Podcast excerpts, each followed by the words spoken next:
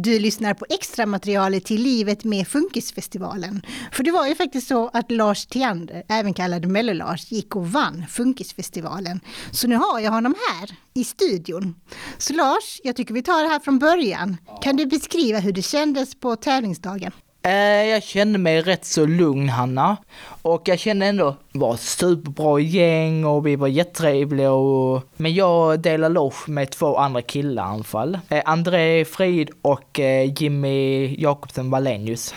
Fick ni vara i logen tills ni skulle tävla så de gick och hämtade er, eller hur funkar det? Vi fick gå ut och in eh, så, men eh, om vi ville ta det lite lugnt eller förbereda oss eller samla oss lite eh, eh så liksom. Vi satt ju på de första ra- raderna i, där i publiken, två första raderna, för att det skulle bli lättare för oss artister att gå mellan när de hämtade oss, liksom så. Typ nu är det vår tur eller så. Först var det 1-7 som sjöng. Och sen blev det en 20 minuters paus som det blev ju. Och sen därefter så sa de till mig och mina tjejer dansade, då Anneli och Dominika, att eh, det är ingen lönt att ni sätter er. För ni ska ändå upp efter åttan ju.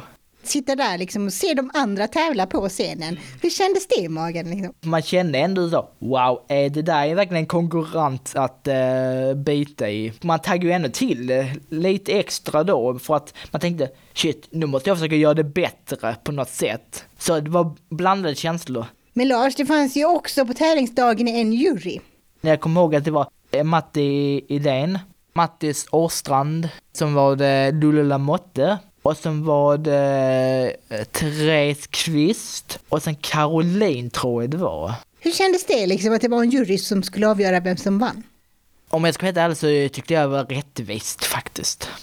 Ja, för du var lite orolig där inför röstningen, hur det skulle gå annars. Ja, för jag var inte alls nöjd med mitt, mitt egen, eh, första numret, för jag höll på att spy på scen, för jag var helt övertaggad innan, eh, under pausen och så, när jag gick upp på scen. Så tänkte jag bara, nej Lars, nu samlar vi oss, nu samlar vi oss. Jag försökte värma upp rösten i logen och där bak och så, innan jag skulle upp på scen. Men jag kände att de var inte i styr.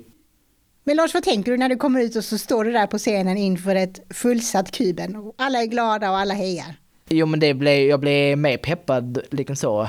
Och jag kände bara så att jag var, ändå, jag var ändå glad att jag hade mina tjejdansare på scen som jag kunde stötta mig mo- mot liksom så. För jag tror inte jag hade klarat av det utan dem faktiskt. Men sen är det ju en mellanakt där in medan juryn överlägger. Hur kändes det i din kropp då Lars? Jag tänkte bara så, det var kul att det var med, men jag tror tyvärr någon annan tar det. Du var ju lite inne på i första avsnittet när du är med, att du pratade lite om koreografin Lars. Och det var ju en del koreografi även för dig får man säga. Du beskrev ju också att du har, som jag, om jag förstår rätt, en form av CP-skada. Exakt. Och som gör att du har lite svårt att röra. Ja, min högerarm. Och jag såg dig på scenen Lars, och det liksom, du satte i de här armrörelserna hur snyggt som helst. Och jag tänkte wow, liksom, då tänker man inte på det, liksom, att du har det svårt. Tjejerna, Anneli och Dominika, de har också försökt, anpassa sig så mycket som möjligt till mig också. Så att jag kan klara av dem. Sen då Lars, när, du, ni, när ni står där, alla artisterna står på scenen, hur, vad går genom ditt huvud då? Tack, det var så roligt att vara med, men jag tror någon annan vinner. Du var orolig där, för jag har ju det här filmat, det ska man säga. På kanalens Instagram så finns ett klipp när du står väntar på att de ska skora vinnaren. Jag var helt svimsad. Min mamma sa faktiskt att hon trodde, hon, hon blev lite orolig, hon trodde jag skulle svimma på scen faktiskt när, när böjer med det som du kanske, som folk kanske kan kolla sen på Instagram. Och sen säger de ditt namn Lars. Då var det precis som att det släppte en sten för mig. Och tjejerna, Anneli och Dominika, de blev helt paffa och man tänkte, va? Det kopplade inte för mig för dem förrän jag började springa ju.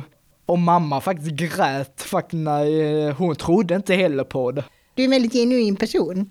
Så, och det är det som får mig att tänka att om du inte hade vunnit Lars, hade det då blivit tårar på scen tror du? Kanske. Men jag hade försökt eh, hålla, eh, kanske tagit det, då i, logen och backstage då i så fall.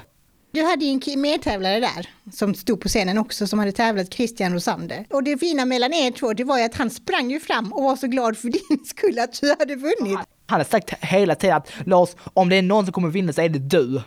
Nej men och det var så fint liksom för det fanns ingen, han hade liksom inte alls nära till gråt, utan han var bara glad. Och de andra var såklart besvikna och det, det förstår jag, såklart. Det är väl en jättestor grej. Och det, är- och det är en tävling klart. Och jag sa ju, som jag sa, att, att, att en publik kunde ge de andra 11 applåder för de är lika mycket vinnare som jag. Nej, för jag känner att de, är, att de har kommit hit här till denna tävling som topp 12 är väldigt stort och det ska de vara väldigt stolta över verkligen. Så det är bara att till nästa år igen. Sen var det ju dags för dig att göra numret. Men det som hände där Lars, då var, att, då var det liksom som att du smälte, att du faktiskt hade vunnit. Och du behövde vatten och grejer. Kan du berätta om det? Vad hände där? Nej, jag kände bara så, vänta, vad är jag någonstans eller något sånt liksom. För det tog verkligen lite tid att smälta. Jag tänkte, får jag samla mig som jag sa ju, och kan jag få vatten? För jag kände jag höll på att spy på scen som första gången.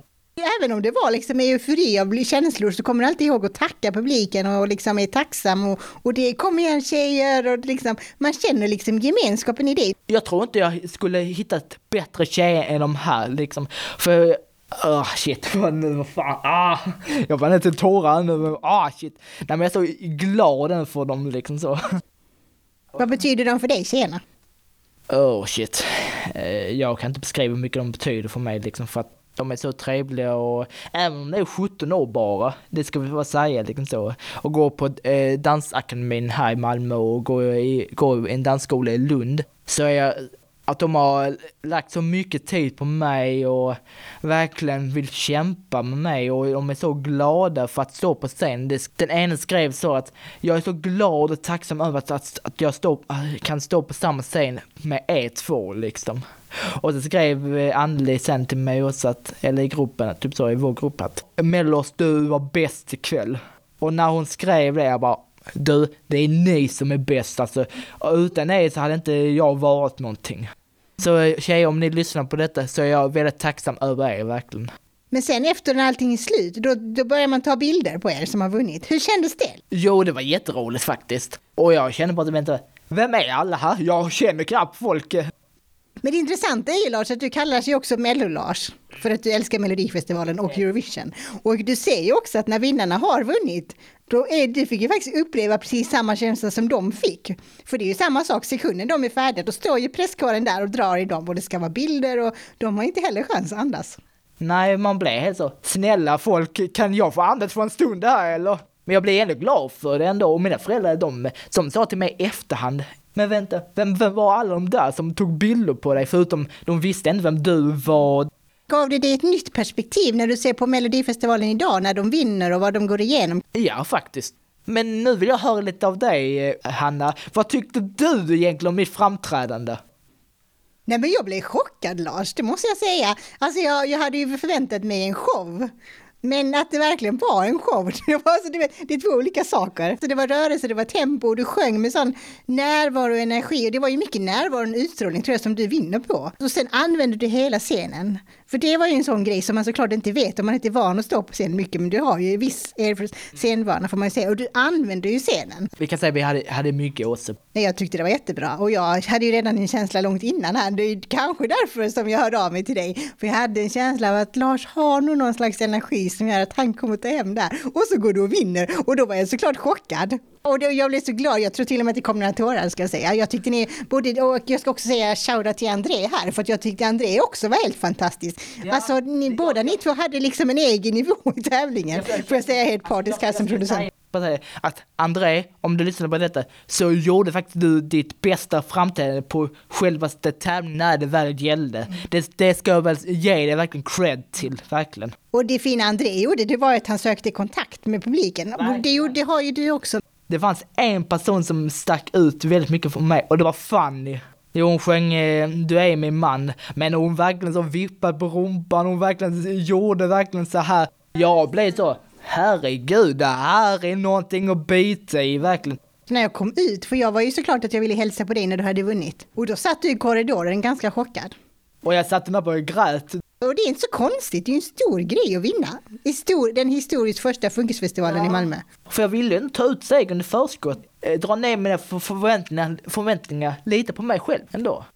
När de varit med i en sån upplevelse och vunnit som du fick göra, hur lång tid tar det tills man kommer ner i varv och kan sova? Det tog inte så lång tid ändå. Det har tagit mer tid att tänka på att vad, vad är det som hänt, vad som, vad som hade hänt och så.